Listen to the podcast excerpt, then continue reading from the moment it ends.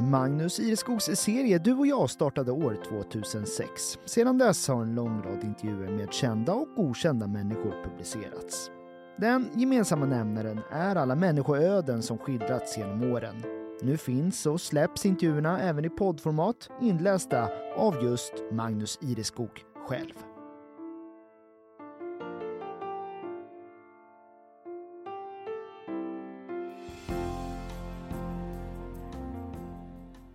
Under tio år var nyblivne gotlänningen Thomas Nilsson psykolog åt längdåkaren Charlotte Kalla. Än idag är han hennes stöd. Nu är pågående Let's Dance. Jag är tacksam för allt jag fått vara med om tillsammans med henne, säger han i den här intervjun från maj 2023. Skid-VM i Falun 2015. I massstarten över 30 kilometer börjar Charlotte plötsligt tappa mark och efter den så kallade mördarbacken tar hon synbart helt slut. Hon har då förlorat placeringar, ligger femma, sexa i fältet och står i en kurva praktiskt taget still. Thomas sitter vid tvn i villan i Piteå och följer loppet. Precis som han genom åren följt så många av hennes tävlingar. Han är vid tiden sedan två år, 2013, hennes psykolog som bistår med tips och tankesätt. Förundrad ser han vad som sker. Att hon stannar upp, det händer bara inte. Men så ser jag också så tydligt att hon börjar göra precis det vi pratat om. Hon börjar räkna stavtag. Ett stavtag, två, tre, fyra. Skär på skär på skär med skidorna. Ett stavtag i taget. Och plötsligt börjar åkningen åter att stämma. Charlotte hämtar sig och åker i mål på bronsplats efter Therese Johaug och Marit Björgen. För så är det. Det gäller att vara här och nu. Inte i det som varit, inte i det som kommer. Och att sitta hemma och se henne backa tillbaka till basic som vi pratat om så många gånger. Vilken känsla! Det gör allt det jobb vi lagt ner, att det verkligen betalar sig. Det blir en del skidsport den här gången. Mycket Charlotte Kalla, en av Sveriges främsta idrottspersonligheter någonsin. Resultaten talar också för sig. 9 OS och 13 VM-medaljer. I tio år verkade Thomas som hennes psykolog. Än idag håller de kontakt, om än inte lika frekvent som under den aktiva karriär Charlotte avslutade förra våren. Fram till dess hördes de praktiskt taget varje dag. Det kan han för all del tycka är ganska skönt. Jag menar, skrattar han att bli uppringd klockan fem på morgonen om hon är i Japan eller vad det kan vara, det klarar jag mig utan. Men en så stor del av hans liv är hon ännu att han alltså för närvarande stöttar under hennes medverkan i tv-programmet Let's Dance. För även om det är underhållning och på lek är Kalla alltjämt tävlingsmänniska. Och jag ser ju på henne att hon taggar igång. I det här fallet får jag snarare be henne att inte ta det så blodigt. Jag säger dansa och ha kul. Mer skidor ska det alltså bli, men först bakåt i tiden för denna sedan knappa året nyblivna gotlänning. Det var då, förra våren, han och hustrun Birgitta valde att efter 30 år sälja villan i Piteå och flytta till Visby.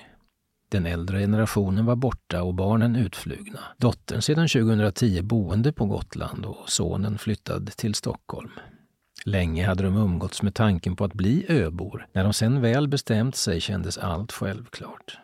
Ja, nu har vi närmare till barn och barnbarn och när vi var ute och cyklade bland blåsipporna i valborgshelgen kände varken hustrun eller jag att vi saknade snön, säger han. Thomas växte upp i lilla gruvsamhället Laisvall i Arjeplogs kommun i Norrbottens inland. 1943 öppnades blymalmgruvan vilken samhället byggdes kring och som Boliden drev fram till 1990. Det var en by präglad av skiftarbete och manskultur där jakt, fiske, skoteråkning och semester var hörnpelare i tillvaron. Pappa arbetade under jord, mamma städade så länge kroppen höll men Thomas växte upp med helt andra intressen. Trots att Bonniers familjelexikon var enda boken i hyllan utvecklade han en fascination för litteratur, konst och film. När det så var dags för gymnasiet och många kompisar valde yrkesprogram i Arvidsjaur för att bli svetsare, borrare eller kanske chaufför flyttade Thomas istället till Piteå, 27 mil bort och pluggade naturvetenskaplig linje. Idag är Laisvall ett minne blott, avfolkningsbygd. Han har ingenting kvar i byn och heller ingen längtan dit. Jag är där ibland, känner igen några få i byn och konstaterar bara att det var där jag bodde och att det var en fin uppväxt. Det finns just inga andra känslor kring det.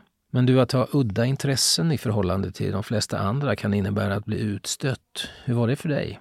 Nej, jag kände aldrig något sånt. Men jag idrottade också mycket, det kanske hjälpte till. Längdskidor bland annat. I sin åldersgrupp i ungdomen tillhörde han fem i topp i Norrbotten. Men någon karriär blev det inte. Inte när han insåg hur mycket som krävdes. Han minns Sven-Åke Lundbäck, aktat namn i den svenska skidhistorien, som sa nu har jag tränat hårt i sju, åtta år, så nu orkar jag träna så mycket som krävs för att bli bra. Och då fick det vara för min del, skrattar Nilsson. Någon större framgång blev det heller inte i gymnasiet. Eller jo, i en mening blev det kanske trots allt det, för det var där han träffade Birgitta som han sedan dess delat livet med. Men studierna? Ja, med mest ettor och streck hoppade han av efter andra ring. Tog istället cykeln till Furunäsets sjukhus, ett gamla sortens mentalsjukhus. Ringde på dörren och sa, finns det något jobb till mig? Det fanns det. 18 år gammal och outbildad utrustades han med vit rock och nyckel till dörren och så var han inne. Jag vikarierade överallt, men det som tidigt fascinerade var kontakten med de som hade missbruksproblem. Jag menar, ta alkoholen. Vad är det för mekanismer som gör att människor som verkligen vill sluta ändå återvänder till det som gör dem illa? Hur kommer det sig att den kraften är så stark? De där funderingarna, grundade i alla biblioteksbesök, väckte lusten att bli psykolog, vilket han så småningom utbildat sig till och har kommit att verka som under alla yrkesår.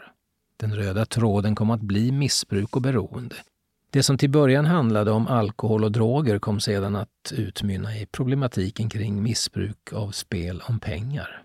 Det har blivit en hjärtefråga och närmast ett kall. Länge kan han prata om ämnet, det som fört honom runt hela världen. Här skissar vi bara, men han har startat den nationella stödlinjen, arbetat med spelandets negativa konsekvenser på ministernivå och varit delaktig i utvecklandet av Svenska Spels spelansvarsarbete, som exempel. Idag har han avvecklat det mesta av sin verksamhet. Två konferenser i ämnet återstår att arrangera, en i Reykjavik och en i Rom. Men sen får det vara. Då blir jag pensionär på heltid, som man säger. Och därmed stänger vi det i och för sig viktiga ämnet, en annan gång kanske. Men i denna berättelse blir det bara en parentes.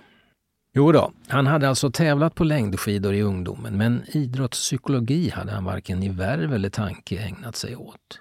Men så hamnade han för tio år sedan i en taxi tillsammans med dåvarande elitåkaren Magdalena Pajala som undrade om han kunde tänka sig att hjälpa henne med motivation och fokus. Och då tackade han ja. Först tänkte jag, vad kan jag om det här? Men insåg att för människor i beroende handlar det inte om att få dem att sluta, utan att inte hamna i återfall. Det är samma sak inom idrotten. Att vidmakthålla långsiktig motivation och fokus. Så jo, det fanns en framkomlig väg. Vilken spred sig inom sporten. 2013, ett år före OS i Sochi, fick så Thomas ett samtal från Charlotte Kallas tränare Magnus Ingesson. Hon hade gjort ett förhållandevis dåligt VM i Val di Fiemme och behövde hjälp. Sen dess har de kamperat ihop. Och starten blev ju bra, minst sagt. Det var i Sochi Charlotte Kalla gjorde sin monstersträcka som avslutade i stafetten, hämtade upp en halv minut och spurtade sedan hem guldet. En svensk idrottsklassiker. Vad är det, Thomas, som du främst stöttat henne med? Att få ordning på vardagen, skulle jag säga.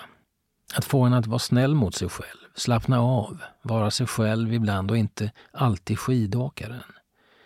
Det fungerar inte att ständigt vara ockuperad av idrotten, som många elitidrottare är.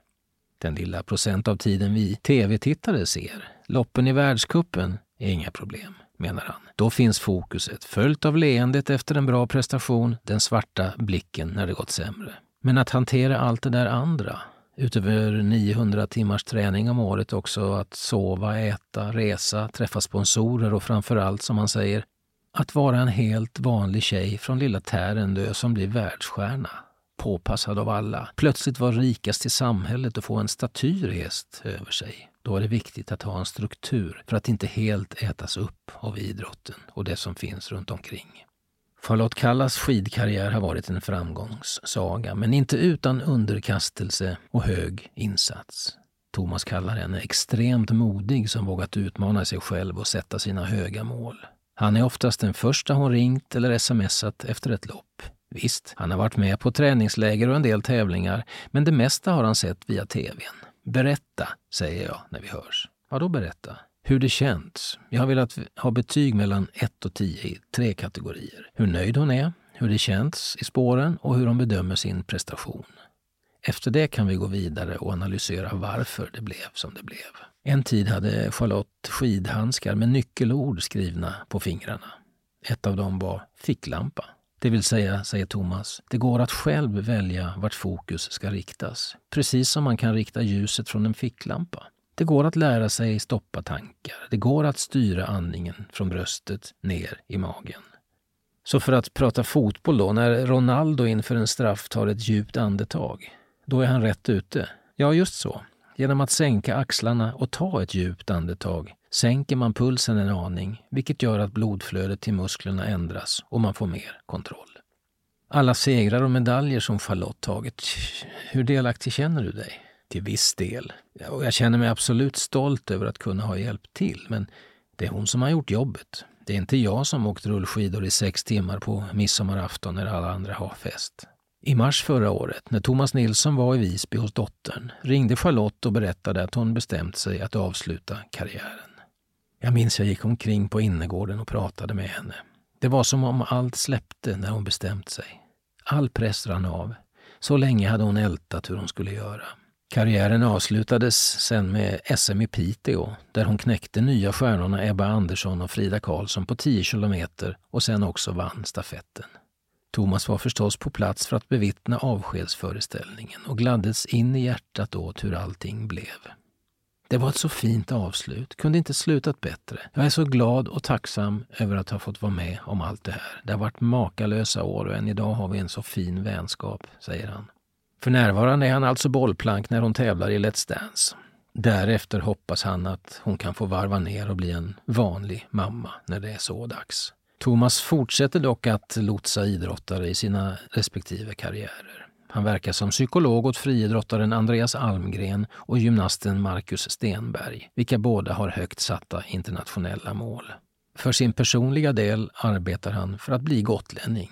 Det är inte lika hårt slit som att vinna OS och mycket har han med sig från sin uppväxt i norr. Ja, när jag lyssnar på lokalradion och läser lokaltidningen här känner jag igen mig i så mycket. Det är äldreomsorg, svårigheten att hitta arbetskraft, transporter, klassiska glesbygdsfrågor.